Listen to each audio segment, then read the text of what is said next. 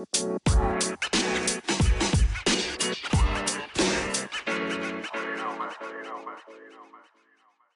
everyone, and welcome to the In Other News podcast. I'm your host, Candice Oxley, and the founding editor of In Other News.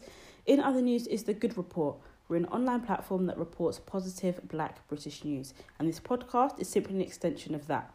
We dialogue around new projects, personal and professional growth, and opinion with individuals we hope will inspire you, move you to action in your own life, be proud of, and make you smile. Hey everyone, and welcome to episode five of the In Other News podcast. We hope you've been enjoying the episode so far and that this one will be no different. This month, we turn the tables on someone who's used to carrying out interviews and chatted with BBC Radio 1 and One Extra presenter Nesta McGregor.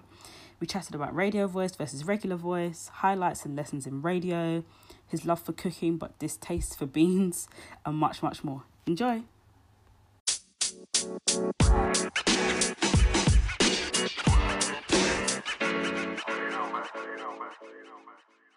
I'm here today talking to an incredible guy that um, I came across uh, through a documentary that he did a couple of years ago.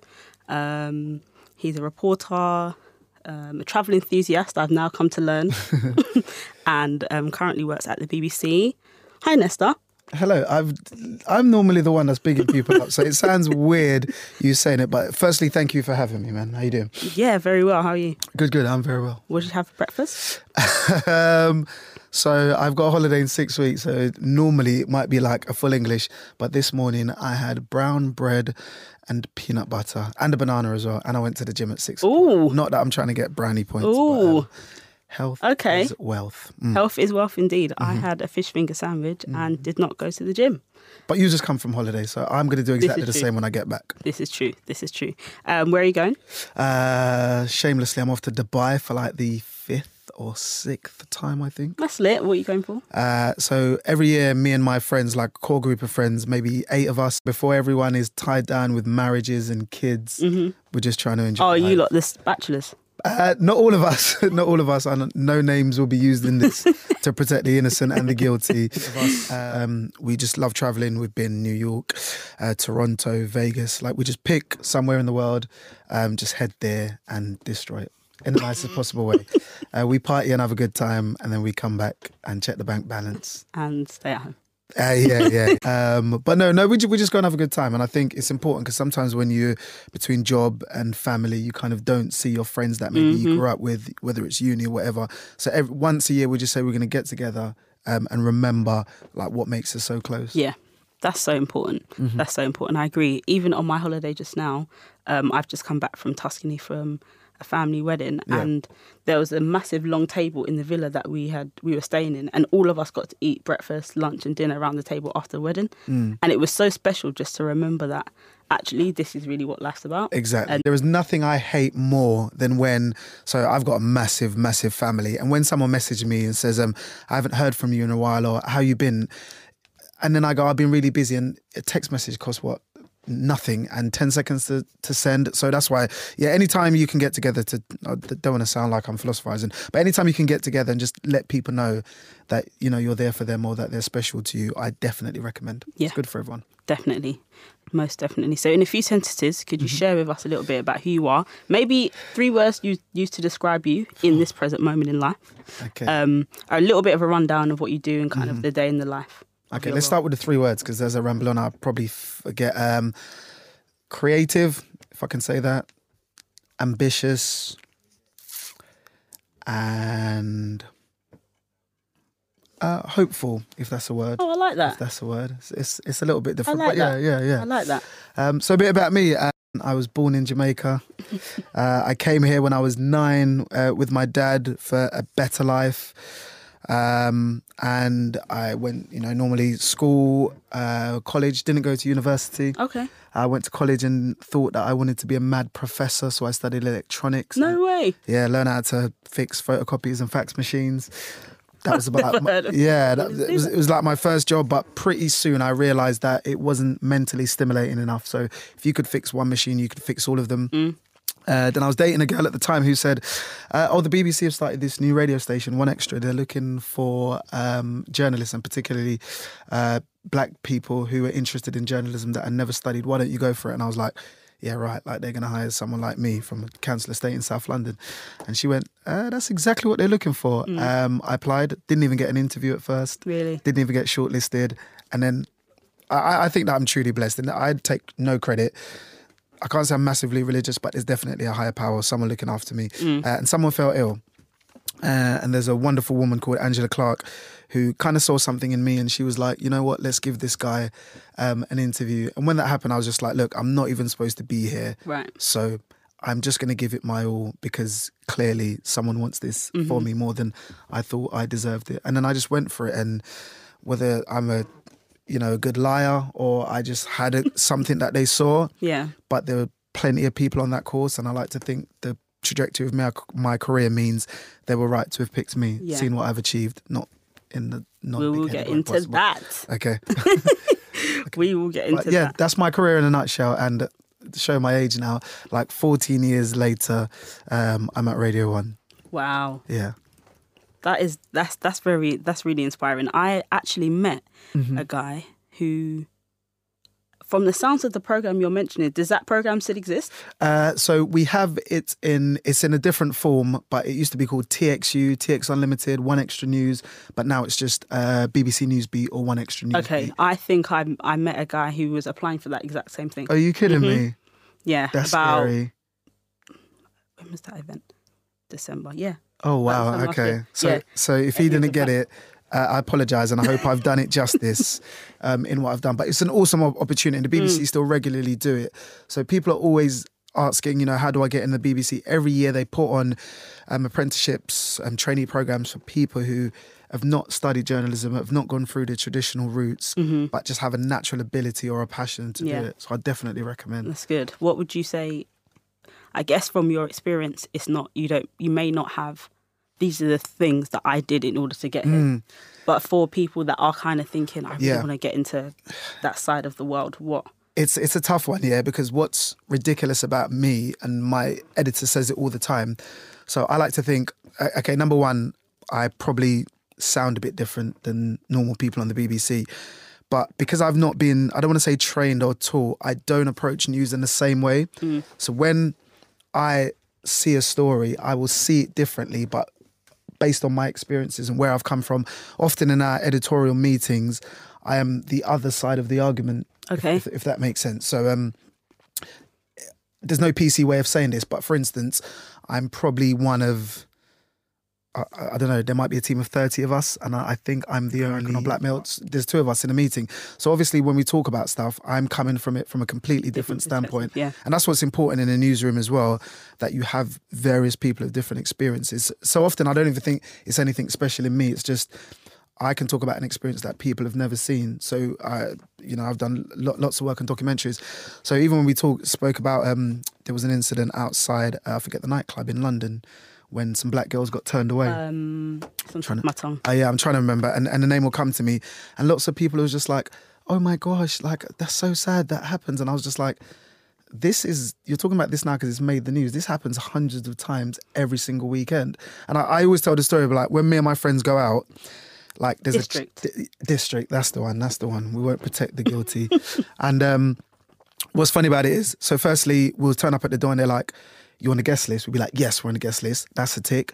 Okay, you all got ID? Yes, that's a tick. All wearing the correct shoes? Yes, that's a tick. All got shirts, and it's almost like we have just as much right to be there, but it's almost like with every tick, we're like a step closer to the front Yeah. door. So and, and, and, if you've never experienced that, you probably think it's a rare occasion. It's is an every week occasion. So even just little things like that, um, you know, I, I I can bring to the table. Stop and search at Carnival. You know, lots of people will say, you know, it's a real positive, but if it's just like. I'm no different than that bunch of white guys that have just walked through the barriers without being searched, and it's not the first time, it's not the last time. Um, so yeah, I'm I'm the other voice I like to think. Of. Yeah, I, I like that. I actually read something in Forbes about um, how your story is your million dollar idea. Mm-hmm. It, it was around how black women it was around black women intra- entrepreneurship, and part of the byline was about how your story and what you bring to the table Yeah. is is your million dollar Yeah, idea. you So- like one of the key things about journalism is being unique. One of the first things people told me was, "Don't try and sound like someone like they hired you because of you." Mm-hmm. And even though if you listen to the news, I, I, I don't sound exactly the same. Um, but yeah, be you because everyone else is taken is the famous phrase. Isn't it? Yes, they are.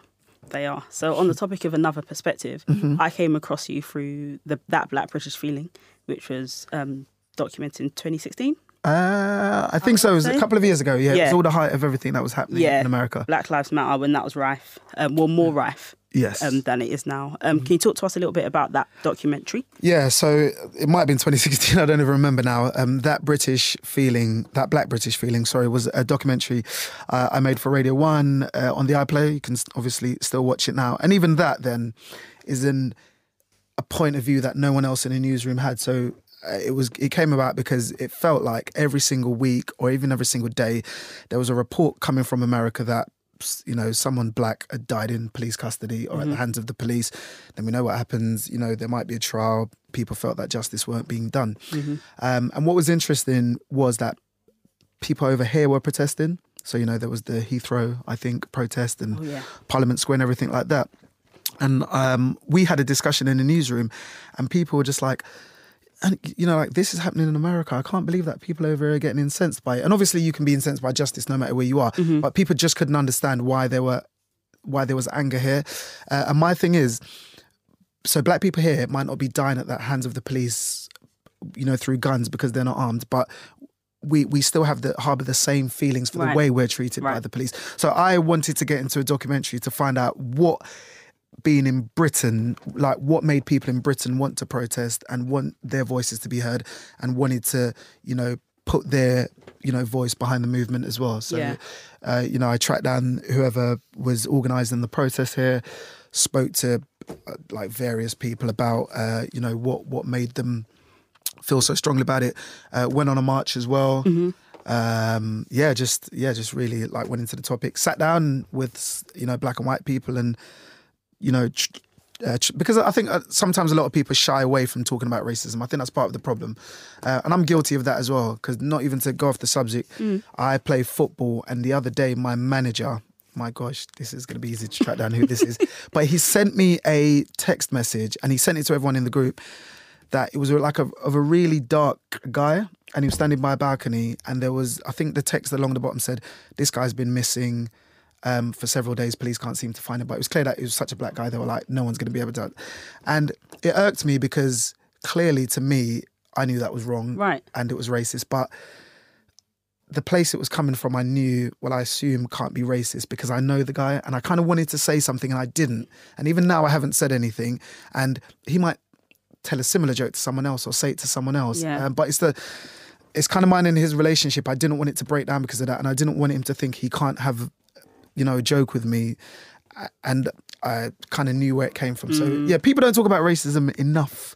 Um, I think because it's always it always seems to be from a, a standpoint when it shouldn't be. It should just be let's let's have a discussion. Let's have yeah, let's have the discussion. Yeah, that's a that's a that's a really Well, well- that's a really uncomfortable. and it happens like often um, because l- let's say for instance i'm walking and i can only assume you know i've only ever been black but let's say i'm walking home from work and there is someone i'm walking on it's just us two on the street and he or she crosses over part of me at times has just gone wanting to go up to them excuse me like why did you cross the street um, and in my documentary, we did a lot of that, and we kind of had to cut a lot of it out. Or sometimes I'd be sat on the train, and every other seat is taken, and there's one by me, and someone would look at me and prefer to stand. And I feel like saying, like having that discussion to say, look, you like you can sit beside me. I'm not going to hurt you or, or mug you, or so it feels. And that's my personal experiences made me want to make the documentary as well, because I'm like, not that because I'm successful, people should see past my color, but w- when I leave this building,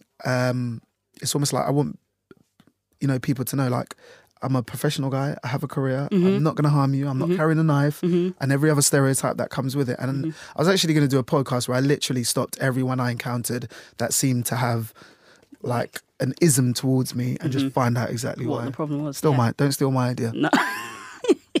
that's yeah, that's that's odd and Mm. oft- slightly too topic and slightly off. I was walking to lunch the other day and I saw police and um I obviously I'm a black female going to lunch, do not have a knife on me, the sharpest thing in my bag's probably my tweezers, like just minding my business and I felt uneasy Yeah, yeah, yeah. just in that moment of like there's a police van with police in it and a policeman got out and I felt like Yeah, yeah. It's it's scary, and it I- is. Yeah, and I guess unless you've been uh, like a person of color or a minority, or certainly what you presume might be targeted, like you you probably won't like like the feeling. I can't think of many sort of black teenagers that will say, "Yeah, let's up this the stop and search numbers," because it's them going about their business and being stopped. So Mm. it'll, it'll be everyone else who's in fear of like sometimes what doesn't even exist. Exactly, exactly. And of that documentary, what Mm-hmm. would you say are some of the most poignant findings?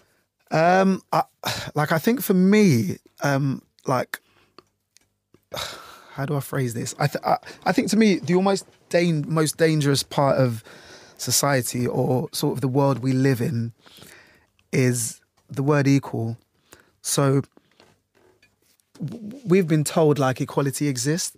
So like back in the day, racism was black and white, and I, I, I use that term because like let's talk about the civil rights. You was told what bathrooms you couldn't use, Mm-hmm. what clubs you couldn't go to, where you couldn't eat, what jobs you couldn't apply for, and it's almost like all yeah, it's like all that's been stripped away, and we we apply for the jobs but we don't get them. We turn up to the nightclubs but we don't get let in. But because like we're now told we, like we can go in, it's almost like we've lost. I don't want to say we've lost the world to fight, but it feels like you don't have a grounds to fight on because it's it's not direct um, like racism. So to me, um, there was I've forgotten her name now. Um, I don't want to say it was Naptali, but um, there was a young girl in it who said she had been for a phone interview for a job and aced it, got the job, um, and then turned up. And then when she turned up, she was told to change her hairstyle. Um, and I think she was working in a restaurant. And you could kind of understand if I don't know what hairstyle will prevent you working in a restaurant, but maybe a mohican that you could turn and slice someone's head off because of their hairspray. But she had just normal braids and was told, um, like it almost wasn't what their um, establishment was looking for, um, which I found just horrible. There was a guy who, quite successful guy, worked in the city. He said he'd been stopped tens, if not twenties, of times because he drives a nice car, um, and he couldn't understand like why his success was being punished almost. yeah. Um, so yeah, I'm trying to think back now. I haven't watched it. I, I don't watch my own work or even listen to myself on the radio. So it's really weird. Once it's done, I just like to get it out and let the universe have it. Um, but yeah, d- d- there was just like lots of little things that, um, you know, there was a guy that wore tracksuits and says, you know, because I wear a tracksuit, you know, like why am I stopped and searched and etc. Cetera, etc. Cetera, when you know lots of people wear tracksuits and don't get stopped and searched. Yeah. So yeah, it's it's just the little bits of in in, in Britain that people might not realize happens every day. Um, that Yeah. you know people is. are targets of. Yeah, agreed. I've been pulled over Mm. by police. Um, they followed me all the way to my house Yeah. um, to ask me if I was the owner of my car. Is this the registered address? And this was like 1 a.m. in the morning. Yeah. And I live in a very suburban area. Mm. Um, And the reason they stopped me is because apparently my area is a 20 mile an hour area and I was driving at 27 or something like that. Okay. Um, it's one in the morning and a bully van was behind me. Yeah, yeah. The journalist in me says, obviously, you're supposed to stay within the restraints of the law, um, but like you can only feel still like victimized because of it as well. Agreed. Mm. I was I was furious. I couldn't believe it. Like I was going home from my friend's house. Mm. I'm zipping through the roads just to get home. And instead of dealing with a real crime, Mm. you decide to follow me home. Like I was literally I I yeah.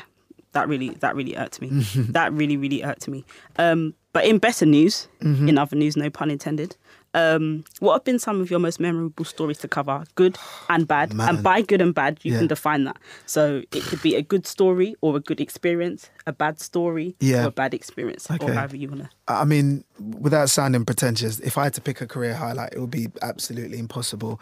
Um, I've done things that, being born in poverty in Jamaica, that sometimes I, I think only when I finish and I kind of look back, and sometimes I look at pictures and I just go, did I really do that? So, I mean, even so, my first interview, I remember the first two jobs I ever got sent to was an interview with Floetry Mm. and then Destiny's Child. And I think, yeah, exactly.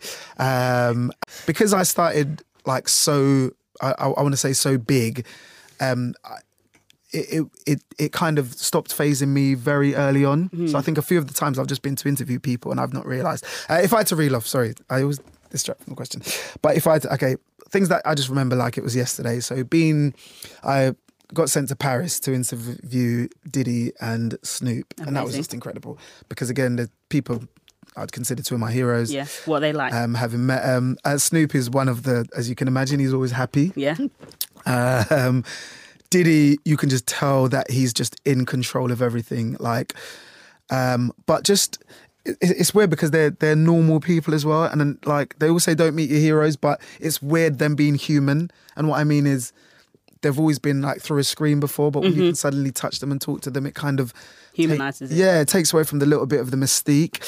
Um, oh man, that- uh, I've interviewed Beyonce, Denzel Washington, Will Smith, Brad Pitt. Uh, there's probably not many people that All through this, Mike Tyson. Uh, all, all through this. So I spent the first couple of years as an entertainment reporter. Um, yeah, I can't think of who I haven't interviewed apart from the mecca of them all is Mm. Jay Z. So I'm still on the hunt. But I, I've I've just done loads of cool stuff. I got sent to Toronto and New York for All Star Weekend. I'm massively into sport as well to do the Oh, basketball. I really want to go to that. Yeah, um, incredible if you're into sport. Really want to go to that. Um, I've been Kevin to- Hart. Have you interviewed Kevin Hart? I've interviewed Kevin Hart. Were you and lot crying your eyes out the whole time? Do, do you know what's funny? Is because okay, so my favorite comedian ever is Dave Chappelle. me yeah, let's just say, like Dave Chappelle's the goat Mm-hmm. of, of my time. Eddie Murphy and a few Richard Pryor were way before me. Yeah. Um, Kevin Hart is funny, but you know when someone is so funny that you expect them to be funny, and it was a junket for a film, so there wasn't always a time to throw in a gag. Mm-hmm. So if he tried it, it felt a little bit like a, li- a little bit forced. Because I'd have just liked to have spoken to him as Kevin Hart, the actor, and not the Comedian. the yeah. So um, but he was cool. Ice Cube was cool. Busta Rhymes is up there with one of my favorite interviews ever. Uncle. Yeah, so much energy, like the nicest guy in the world. We was playing Xbox and he was eating chicken, rice, and broccoli. I remember again because it was such a like standout point. Uh, I remember it like it was yesterday. Um, he's so full of energy as well. Uh, Mike Tyson was one of the scariest interviews I ever did, and this is not to Why? further cast doubt on Mike's character just because. Um, so I've interviewed him twice, and I have an editor where if they send you to get a story, like you get the story. So you might turn up to an interview and you're told, okay, you can't talk about X, Y, and Z, but as a journalist, that's why you've gone. Yeah. Um, and obviously, Mike Tyson can punch holes through walls. So um, I remember at the time um, we wanted to talk about. So he was trying to reform his life. He was writing books. He was doing tours, um, and I had to talk to him about obviously, you know, the reason he spent time in prison and the the, the, the charges and the prosecution as well.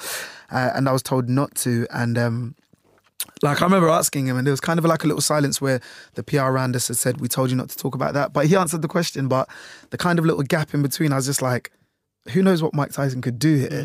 Uh, so that was quite scary. Um, I wouldn't say I've had any bad moments, but going back to my documentary, I did make, and I hold my hands up to this. I did make some viral or some uh, online videos to go with it, and they were supposed to um, address common stereotypes within the black community.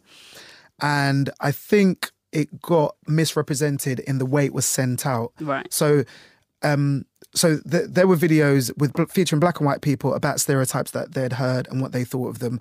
And I think uh, the the tweet that went out with it should have said, "Hey, we've made a documentary about Black Lives Matter. Um, as a result, we've also made some viral videos about." Um, common stereotypes around black people. Um, here's the discussion about them. Right. But And what happened? it, but it wasn't. So what was sent out was a tweet that says, like for instance, a common stereotype is that all black people like chicken. Now, just just that question itself is just like obviously not. Do you know what I mean? It's just like. So, like sometimes you ask a question so stupid, people that take it literally, you're like, wow. Uh, so the tweet literally said, "Do all black people like chicken?" Now I could understand how if you don't know the background or where it came from or what it goes along with, you, it can be. Are the BBC really asking, "Do all black people like Like chicken?" chicken. So the Yeah. context was missing. Yeah. Um, and then there was a little bit of a furore around that where certain other media's picked it up and black Twitter, Mm-hmm. my favorite and worst place. favorite when you're part of it, really bad when when the tide's against you. Um, and I've never actually spoken about it, but it was it was supposed to be done in context, and it was obviously people in the videos dismissing the stereotype of saying, Yeah. "Yeah, I've heard that. What kind of rubbish?" Like, obviously not. Um, and people that had not even seen the documentary or not even bothered watching the actual videos were tweeting about it because that's the world we live in. Mm-hmm. Yes. You don't have to know a story to be incensed by it or to support it. You kind of Agreed. retweet. Yeah. Retweet. Jump so, on it. So yeah. So that's probably uh, I wouldn't say a career low point because I'm glad the work that came out of it and we did two um, special programs on it and, and that was amazing. Yeah. Um, What kind of exciting things are you working on now? uh, so at the minute, I really want to do something about cosmetic surgery. You know, the whole Brazilian butt lift kind of thing. Oh, so yeah. There was a young mother that died the other day. And apparently, lots more Brits Oh, are going again. to Turkey. So I think it, maybe it's the, the the same one we're talking about. I think it was about two weeks ago. So what I would love to do was is obviously you know speak to someone who's thinking about it and going through the whole process, um, and still wants to do it. You know, speak to them before surgery, up until the operation, Mm-hmm. then after speak to a doctor. Uh, and I just think we live in such an interesting age where there's always been a pinnacle of what a woman should look like, Yes. but now it's everywhere you go. It's whether it's the waist trainer or you know the big butt or the contouring. It's just like it, I'm not a young woman, but it must be date. It's not as bad for men, but you know to say that this is the most beautiful woman in the world, this is what men love, and for people who have no hope of looking like that, whether it be because of color, creed, whatever, uh, to aspire to be like that, I just think it's quite scary. So It is.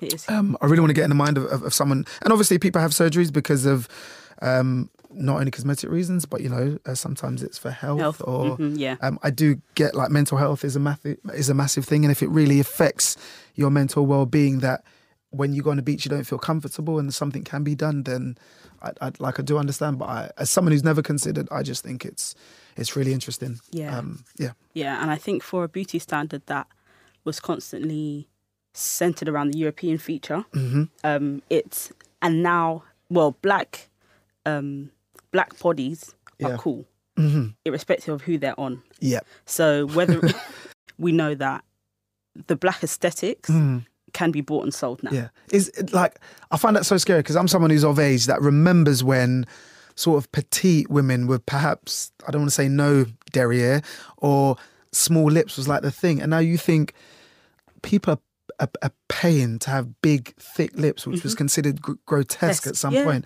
like a massive bum, which was also considered to be it's Yeah. like yeah. yeah and that's and that's and that's the that for me that's where the problem comes with beauty having a beauty standard Mm. because a standard alludes to the fact that this is the rule and this is the thing Yep, Um, exactly. and that naturally by virtue of the world by virtue of people's views will always be interchangeable and which is why being yourself Mm-hmm. Yeah. and finding beauty in who you are what you look like all the things that you like about yourself Yeah. and not moaning about the things that you don't like about yourself and not changing them Mm-hmm. like i know i'd really like to have abs but guess what i love donuts so in this moment in time So it's a trade off. yeah, in this moment, I know that actually can. You don't really want to have abs that much because you like donuts a lot more in this moment. I'm with you. So don't complain about not having abs when you're not Uh, yeah. exchanging that that that discipline for. But then there else. is the you could probably have all the fat sucked out and have abs and eat donuts. So I guess Mm-hmm. you know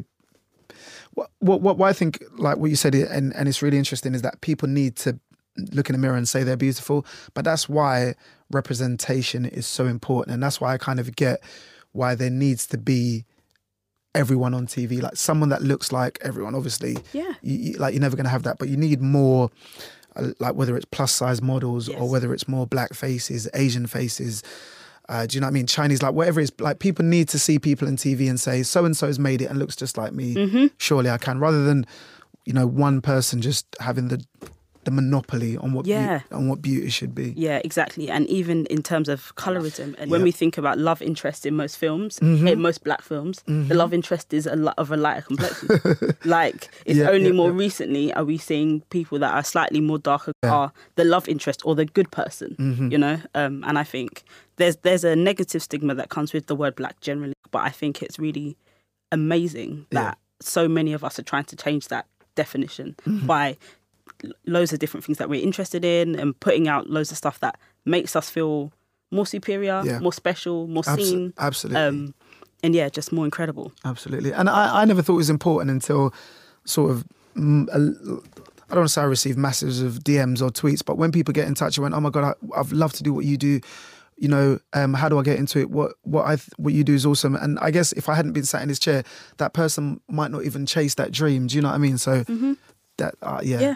Like representation Yeah, is, is massively important. Literally, one of my friends said, "Do not, don't ever negate how many people are watching you." hmm And at first, I was like, "What are you talking about?" Like, I'm just getting on my life. Like, listen, Yeah. there's some people that will notice things about you that you won't no- notice about yourself, and that 100%. little thing about you is the thing that that person resonates with, hundred percent. and that enables them to feel confident to Mm-hmm. like, "Do you know what? You know, if Nesta can do it, yeah, Mm. like, he didn't go uni. I don't want to go uni, but my mom's trying to force me. Yeah, yeah. Da-da-da-da-da. And it's, it's it's not to say that university education isn't important, but it's not for everyone. Mm-hmm. Like if you're, I don't want to say I'm naturally good at what I do, but some people are academic, some people are way more practical. Yeah. So uh, you got to do do what works for you, and it's the knock on effect as well. That one person, someone else might see him, two people might see him, uh, so on and so on. Yeah, exactly. What are some of the busy, biggest misconceptions about radio for you? that we'd never mess up. um, we yeah, mess you up. got sound really perfect. Like Yeah. to one extra, I'm like, wow, Nesta really knows how to read the thing. It's not true. So some of the things we do is live. Um, obviously, some of it is pre-recorded, and I guess at a point you just get maybe so good that people can't tell the difference between the two. Um, and I'd I'd also say like how much work goes into it. So I do like a well, at times I present a 15 minute program, and we spend all day crafting that because you know we come in at eight o'clock with nothing. There's like we have to generate the news and make the content. So you know you come in at eight, you might pitch a story idea, then it might be right. Get on a train, go to Liverpool, Manchester, wherever it is. You know, speak to people, edit. Um, it's it's a lot. Like I sometimes watch a film and I'm like, that film is rubbish, not knowing that there was six months of work that went into it. So sometimes Yeah. you might listen to the radio, myself included, and be like, that, that report was rubbish. But if you kind of knew how much had gone into it, you'll go, you know what? Like maybe for that time restraint, that's all that they could get together, Yeah. etc., etc. Um, that I'm not good looking. No, I reckon that I have a face for radio. Um, no, I I wouldn't say there's many uh, misconcep- misconceptions, except sort of the the how perfect we are. We're not perfect. We make mistakes. Yeah.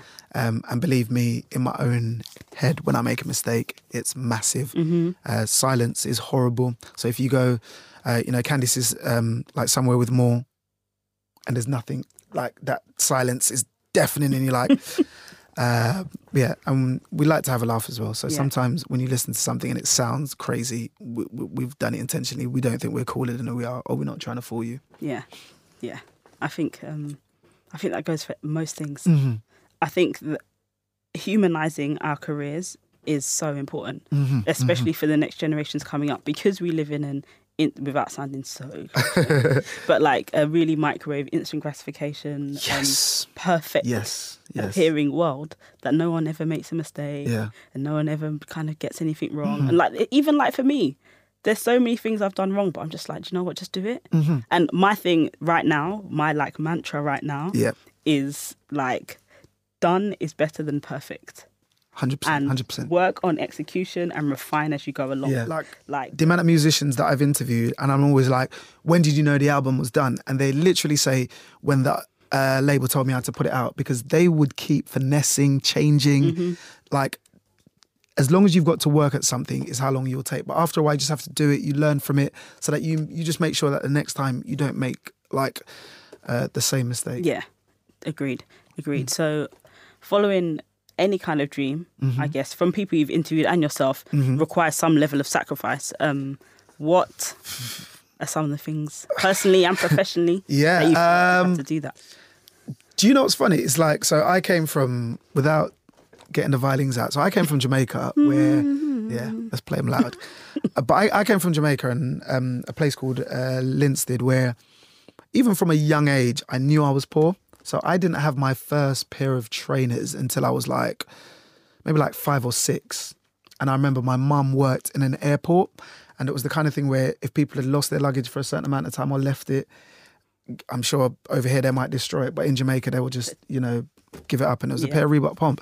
Uh, and I just remembered just being in love with them. I remember like from the, maybe from like five or six, like looking after my younger brothers whilst my mum went to work. I remember like going to the river to catch fish and scale fish and gut fish and climb the ackee tree and pick ackee and Yes. Good Uh, Friday at your house. yeah, that, that, that's what I mean. But I think from a very early age, um, and in Jamaica, if you don't have electricity, you sit in the dark. If Mm-hmm. you don't have food, there's no go to a job centre and collect Like eighty pound every yeah. couple of weeks. There is nothing. So when my dad said he was bringing me to the UK, I knew like this was a chance for me to live the sort of life maybe I'd always wanted because I knew being poor wasn't fun. Mm-hmm. And sitting by watching everyone run to the ice cream van and not being able to get ice cream, I knew what that felt like and I didn't want that. Mm-hmm. So when I came here, I knew that I wanted to do something. So in school, in college, I was always that kid that wanted to read out loud. I wanted to get 98% on the test, if not 100%.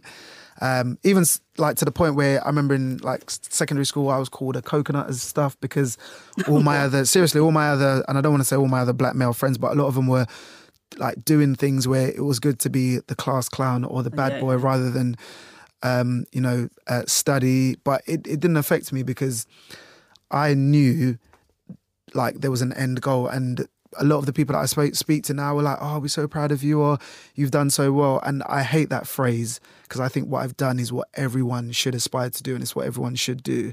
Um, I grew up in a council estate, which was horrible, and people were like, "Oh, you're going to college? Oh, that's that's like, that's great." And I didn't want it to be great. I just want it to be like everyone on this estate should be going college. Um, so, uh, I mean, I guess a few of the sacrifices. My dad, I hated, and I use that word, and I mean it during school I really hated because he wouldn't let me go to parties. He wouldn't let me go out Friday, Saturday night. He wouldn't let me drink. If I ever got caught smoking, I probably would have been sent back to Jamaica. And at the time, it's what all my friends were doing. Yeah. It was so cool. Um, you know, they were meeting girls, they were doing all of that. Um, and it's probably like the biggest blessing because who knows? I even had a friend who invited me to Bromley one day and I didn't go. Mm-hmm. And it turned out him and my other friend had robbed this old woman. They got caught with the rings, got sent to prison, etc., etc. No. Um, swear to God. Um, and I just think if my dad had let me go, I'm not trying to say I would have been influenced. God knows what would have happened, but like the, the sacrifices of being forced to do homework and to read and you know not to go and do badness at, at the time felt like they were taken away from me. But now I can sort of live a life that I want to live. Uh, professionally, I I wouldn't say I've had to make that many sacrifices. I don't go out weekdays. Uh, At all. Is that staple? Like really, very rarely home by eleven, and it's really weird because I have to use my voice. Like you can't be tired and really croaky, or do you Mm-hmm. know what I mean? And I could come in and, like, God forbid, there's a terror attack or something. Like you have to be on the ball. Yeah. you, can't come in and be tired or be lethargic or not be up to the job Yeah. you, you don't know what you're going to be doing on that day. So, so I try not to. But weekend, I get I get I get, I get lit. I turn up. I turn up. What are some favourite things you like to do socially? Um, massively into sport. So Okay. football's my thing. Um, I play football every Saturday. Oh, Um, yeah, I s- they still work. The kneecaps haven't given out yet. So I mean, that that's probably my first love. I wanted to be a footballer, but I probably wasn't as dedicated. And I think because I missed out on my first dream, I didn't want another dream to go you know, by okay, the yeah. wayside. So I think that's why I paid attention. Uh, I love Scrabble.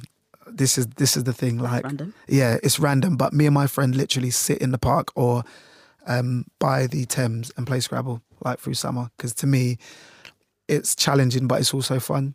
I know that sounds really random. Uh. PS4, like everyone Cool, else, yeah. massively into my comedies. I could sit and watch box sets uh, all day. Cooking and baking is my. I always said if I could, if I had enough money, I'd quit and open a shop now. Like, Really? that's what, yeah, I love cooking. So if you follow me on Instagram, I literally just post baking and cooking things. what do you? What's your favourite thing to cook? Um, I is it your honestly think I'm eat? one of the greatest undiscovered cooks ever. So if you if you look at my, the things I cook, you'll understand why. Um, what do I like to cook? So I, I don't really cook a lot of Jamaican food, and that's because I know how to cook that. So I Yeah. always try and do new stuff. But the other day I made um, duck à l'orange, which is like a French Excuse dish. me. Uh, yeah, pardon my French. um, what do I make?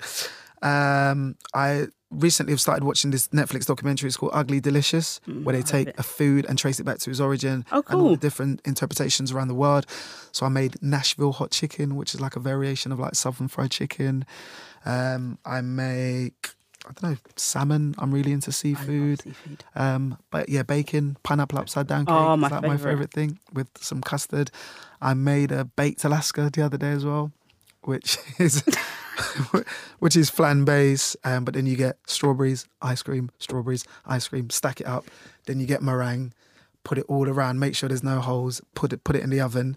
So then you have the meringue trapping all the ice cream, which is melted inside. So yeah. So, so wait, wait, wait. Do you have like dinner parties all the time? Um, so Someone that cooks so much. Yeah, so I I like having my friends around. I I don't cook as much as I should because I moved out in Essex, which is far away from my friends in Southeast, or the majority of them. Mm-hmm. But back in the day, a barbecue at Nesta's was like the thing. So like my cliche, but my jerk chicken wings. Yeah. I'm telling you, people have been asking me for the recipe. I don't have one because I just cook and it never tastes the same. But that's like that's people always go, oh, when are you gonna make chicken wings for us again? So you should be on Bake Off. What's going on? The Do you- Celebrity yeah, Bake Off. But do you know what? I think under pressure it'll be very different. But Celeb MasterChef, I'm, Yeah, I'm not a celebrity, firstly, but MasterChef or something like that, I think I'd like to to have a go. You should. Yeah, but I, I, like cooking's easy. Like, do you know what I mean? I don't see it as as like a massive thing. But you'd be surprised at how many people like you make spaghetti bolognese and people are just like, oh, that Tastes tastes it, yeah. amazing. But yeah, which is why I like to travel and eat as well. Mm, mm, I had the most delicious meal last night. Mm-hmm. What did you have? um, we bought fish like se- seafood, so calamari, prawns, Mm-hmm. lamb, chicken. Um, the chefs made uh spaghetti arrabbiata, Oh, very nice. um, yeah, yeah, yeah. like fresh bread, focaccia, all of that Oh, stuff. I haven't had lunch yet. Trust me, like food, how I'm not fat, I don't know. But yeah, and Italian cuisine is my favorite Oh. cuisine as well. I So- literally was just there, like closing my eyes. Yeah, yeah, yeah. The best, some of the freshest Mm, seafood I'd eaten in a long time. I only eat fish as well. yeah, yeah. So like having, like basically they made prawn and calamari skewers. But when I say prawns, I mean like Oh. yeah, king prawns. yeah, proper size. Yes, that you have to pull apart. That process of eating, um, yeah, yeah. And with your hands as well, Yeah. obviously. Yeah, that's what makes it. amazing, Oh, man. amazing. And actually, that segues very nicely into the question I'm about to ask you. Okay. So, I saw that you embarked on a vegan Oh, yeah, Right? yeah, for yeah. a little minute. Mm-hmm. How'd that go? Uh, so another documentary that I made, it, and the, reason why I say I think differently is because there was a time where it felt like everyone was vegan, everyone was opening a vegan shop, and I was just intrigued. And we could have easily have, you know, spoke to someone who was already vegan and asked them about it. But I thought, why are people doing it? How hard can it be? And as someone that loved food, I can honestly say it was the toughest month of my life. So the basis of the documentary was me as a massive meat eater would give up meat for a month. I would speak to um, vegans and find out why they're doing it. Um, people who say they farm um, sustainably, um, and yeah, it was just really interesting. Um, I found out that I hate beans now because the amount of Any beans, bean? yeah, the, I can just taste it now. The amount of beans I ate, veggie pasta, it was just like, I know it sounds ridiculous, but the only plus side was like I really began to enjoy subtle flavors. So when I Mm-hmm. bit something and it had a bit of garlic, I'd really appreciate the garlic or something like that. And I'm sure that there are amazing vegan chefs out there. Yeah. Mm-hmm. But the meals just take so much longer to prep or just walking around the supermarket, you'd be surprised. Orange juice is not vegan. I mean, come on. What? Orange juice. So fortified orange juice has like um, omega oil in it, which comes from fish. Uh, Um, sweets obviously contain, you know, gelatin or like yeah, just the simplest of things. But I had the most amazing vegan kebab ever. what did it have on it? Um, so no, it had this. Um, uh, is it seitan or seitan? I can't oh yeah, it's remember like how to pronounce like it. the chicken Yeah, alternative. um, and it was from What the Pitta, which is Mm, I've um, heard of them. Yeah. man, it was so good. So it was just like that's probably one of the highlights. They also had vegan fried chicken, which you can't tell me it wasn't chicken. It was so convincing. Where's that from here? Uh, Temple. Okay. It's called. Yeah, yeah. So yeah, it was really, really nice as well. Um, but it was just like it's like an interesting discussion. I don't think there's a right or wrong answer. So you know, people obviously do it primarily because they don't want to see um, any animals harmed Mm-hmm. um, for human consumption, whether it be clothes, food, whatever it is. Uh, people claim we can, you know, live on a meat feed free diet. People tell you like we need the nutrients. I spoke to a nu- nutritionist who told me that there are things in animals that we need our bodies to function. Um, Okay. You know, there's the whole debate of if you've got a farm with a thousand cows who are letting off whatever into the atmosphere or need feeding, and we're growing more crops to feed animals than we are for people. Mm-hmm. So it was just yeah, it was just really interesting. Yeah. And I, the debate was an interesting one. Good. And how's that changed your diet? Or has it changed your It's diet? it's changed it. So I'm a bit like you now, where fish is what I eat predominantly. So uh, salmon and prawns is just kind of the supermarket by me every Yeah. time I go in. It's a variation of that. I probably eat less meat than I did, mm-hmm. and I definitely Meat in general, red meat. Uh, probably a bit of both. So like uh, me, I'm, I used to eat lamb chops at least once a week. That was like my treat. Really? my- at least once a week. I don't think I've eaten them in a good maybe like couple of months. Okay.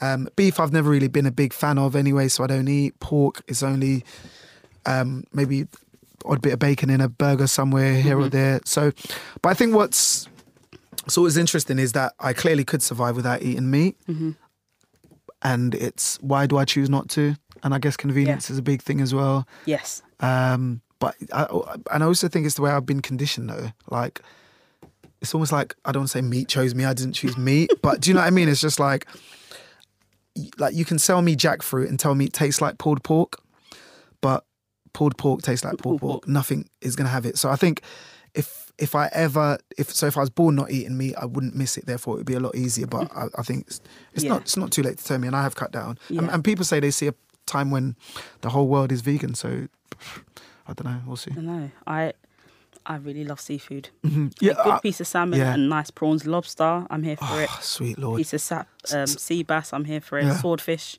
Mhm. Here for it. Fish Crab? and chips. Crab. So the best for it. crabs in the world, you have to go to. This is going to be the most disgusting thing you've ever heard. And if you're into seafood, you're supposed to already know that prawns and everything else live at the bottom of the sea, and they kind of eat whatever drops down, and we know what drops down. So where mm, I grew up in Jamaica uh, is a place called Falmouth, and there's a river. It's called the Martha Brae River. hmm Now, in Jamaica, before all the houses had running water and toilets, there used to be just open sewers, and obviously crabs are attracted to that. So the soil in and around where you used to do your business, as disgusting as that sounds, was where apparently the best crabs come from, um, and and that's what they used to eat. Yeah, but they weren't. I don't want to say they weren't in there, but it's like that kind of mossland, marshland. You don't have to think about it, but when you eat a prawn, that long black thing isn't. Yeah, You know, I cut that out. Yeah, yeah, yeah. That's a, that has to get cut out. Uh, that's exactly. what it is. oh dear. So yeah, so sorry if you're having crab or kind of eating whilst listening to this. Mm. Never mind, guys. Sorry. Uh, yeah. I um the best vegan restaurant though for me is a place called Mildred's. Have you been there before? I've been, Yeah. I've been. I had a vegan lasagna, which changed Oh. my mind about. Yeah, yeah, yeah. Okay. I don't know I've what they put that. in it again, um, but I went there. But crazy expensive though. Yeah. Oh. I actually I actually find it like Busaba prices Okay, yeah, yeah, yeah, Yeah? true. Maybe it's because I'm so used because to. you're not getting protein. That's that's it. Yeah. That's yeah. But yeah, really nice. Yeah, it is good. What was it like? This is a completely separate thing. What was it like when you first heard your name on the radio? Like, when, it, when it said Nesta McGregor. Uh, Every single time they introduce me and I've got to read the news, it still fills me with dread. Uh, and I think that's what makes the job so exciting though. Like there's adrenaline every single day. Yeah. So the minute they say something, your heart just goes. And I think that kind of helps you be able to do your job as well. Uh, but the first time, the first story I ever did, and this shows you how long I've been doing this, was um, Damilola Taylor's dad. oh, okay. So after what happened to Yeah, Damilola yeah. Taylor, obviously, um, his dad Richard had a foundation, and he was meeting young children to talk about the danger of carrying knives and stuff. And I went and did that. Um, and again, that's what I mean because the first story was again something I was interested in. It was a massive story. Um, I didn't get to learn. I just had to. You just had to be on the ball straight Mm-hmm. away. But um, I, I think I, I, that recording probably I can't find it back, but it's probably horrible. So I've definitely changed. Um, I don't mind listening to myself now because famous last words. I know I'm at a level where I sound okay. Yeah. Does that make sense? When I do something, I always want it to be. We have a 15 minute program, but when I'm in it, I want my bit to be the bit the editors like most, or the bit they talk about, or the most creative, Mm-hmm. or the bit with that killer bit of audio or mix that people go. Oh. I mean, that's why I love radio Yeah. because your ears, you know, just changing of pace or a little bit of music or a bit of silence is like what, you're doing something at home. You just hear something and it makes you stop and want to listen. Yeah. Do you have to um back in the day I used to go to drama school and Mm-hmm. I used to do this thing called LAMDA, Okay. which is basically like working out how to say like how to speak Yep. and like you had to do exams where we just used to read stuff and like learn how Oh, wow. to speak. Yeah. you, you don't have to do that in radio. So, no, I don't have to do that. But like, my radio voice is a little bit different than my normal voice. But the thing that's I find most difficult is so I'm Jamaican, and there are certain things that my my mouth is just used to saying a certain way. So to so even words like the at the beginning I was saying duh. So do you know what I'm saying? Uh, the prime minister says, and they were like, No, the. I always used to say it's raining. No, it's raining. Do you know what I mean? Yeah. Like there's an ing. Um, there's two words that I cannot say, and it's like even now I have to think about it. So if I have to say, swear to God, it's I'm not putting this on. Old, see, Yeah. old hospital. Like because in Jamaica you used to saying o- o- hospital, Yeah. and um, he's old. Do you know what I mean? Yeah. So even those kind of words, so O's, H's, and th- anything like month or fifth or twelfth. Like no one says that you go twelfth with a V. Yeah. Um, so they still get me. So, and it's only when you have to say words properly that they sound weird. Okay. Like, like, do you know what I mean? So, um, yeah. And there was like the word anonymity. Oh, don't, don't pay me to say that on the radio. Horrible word. So yeah. So, so That is a tricky one. there's a few. so, yeah. So we we don't have to learn stuff, but like occasionally a word comes that will just trip you up. Yeah. So, um, this could you in your radio voice? Do I have one? yeah, in your Go radio on. voice. Um, could you describe to me the last um album you listened to and what you enjoyed about it? In my okay, but I have a radio voice, but it's only because I do news. So okay. So I go- okay, let's say that the album that you're talking about now just came out. Okay. But the last album I listened to was an old one, but if I can say that. Yeah, you can Okay. say that. The last album I listened to was an album by an R&B artist called uh, Bobby Brown. He was born in Boston, troubled life, and was married famously to uh, Whitney Houston, who you might also know was a singer. Uh, I recently listened to the album because I went to see the Bobby Brown uh, biopic, which is on BET soon, and then realized Bobby Brown is a lot more talented than people give him credit for. But I'd obviously be a bit more Yeah. animated as well and a bit more punchy, but just a bit, you, you know, There's like you- more breaks in what you're saying. yeah, and there's more pace. You like Yeah. pronounce, just pronounce your words a little bit better, Yeah. and you're telling a story, so it's not the same. People actually say I should read stories like bedtime stories to people. Yeah. One of my friends actually sent me one that she wants me to voice. So I might apparently I have a soothing bedtime voice, which I don't know if that means boring. No, it's easy to listen to. That's what it is. Uh, I it's easy to listen to. Thank you. So you've been in the game twelve. Uh, I'd say 14. Like, that's a long time. Yeah. Wow. Yeah. Where do you see radio maybe in the next five? I mean, radio changes massively every day. So even us, we are primarily a radio station, but obviously we've got social media accounts, Mm-hmm. uh, podcasts, and uh, we have YouTube channel, iPlayer channels, um, online. So I don't know. I think it's it's it's going to be interesting. Whereas um, people used to listen to radio for the latest music. Mm-hmm. Obviously, in your hand, you have something that you can play the songs that you like with no Yeah. interruption. So, like, radio has to give you something different. News is always going to be important because you need to know what's going on in the world, Right. um, which is what I, I'm in. But uh, as a DJ as a presenter, you kind of need to give people more than they can get from streaming services and podcasts and other medias as well. And it's also interesting that I, I say people always need it for news. I guess trusted news, uh, the BBC is trusted as well, but sometimes Twitter tells us about things way before we can tell people, obviously, Yeah. because that's the way it works now. So I think our job is a bit more truth checking, a bit more fact finding. So, you know, you go on Twitter and 10 people have been killed by XYZ and XYZ. Our job is to find out more the details and to give you, um, you know, that might be the skeleton, but to give you the meat and the bones around it and, and uh, a bit more information. Yeah. And what um what do you think is part of your character that you're most particular about in terms of detail? What do you think? This has to be like mm. this. Are you like that? Um, yeah. So, in, in everything I do, I want it to sound like I'm talking to a mate down the pub about it. Does that make sense? So, mm-hmm. it's, it's so it's a bit loose, but I think I have a really, really dry personality, and often that doesn't really get to come across on radio because I'm sarcastic. And with news, you probably well, you can't be if mm-hmm. someone's died or Yeah. there's a disaster. You can't really be. So. Um, I I kind of want to do more loose presenting. I'm definitely going to start a podcast soon where I can be a bit more of myself Yay. and tell you stories about where crabs eat their food and, and, and stuff like that. So yeah, so um, I, and I think I've lived an interesting life as well. So there's there's kind of plenty to tell. yeah, exciting. So if you would if you could give yourself a slogan for how you feel right now, Okay, um, almost like a brand, like Nike, wow. Mm-hmm. just do it. Nesta McGregor.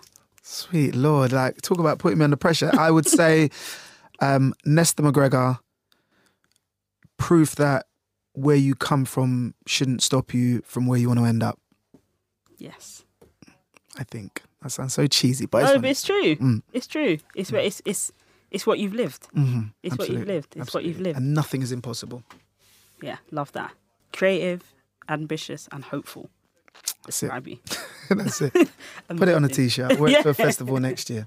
Amazing, amazing. Well, thanks so much. Uh, listen, the pleasure's been all mine, man. I appreciate it. For absolutely. Where can people find you? When's your show on? Uh, so I read the news um, every now and again. It's difficult to say when, but Newsbeat, Radio One and One Extra, twelve forty-five and five forty-five. Don't follow me on social media. All I do is post pictures of uh, cooking, but it's Nesquik, which was my nickname for too long. Uh, Nesquik nineteen eighty-two on Instagram Mm-hmm. and Nesta MCG, N E S T A M C G uh, on Twitter. Perfect. Well, thanks for listening, guys. Um, Thank you for having me on. And we will see you again soon.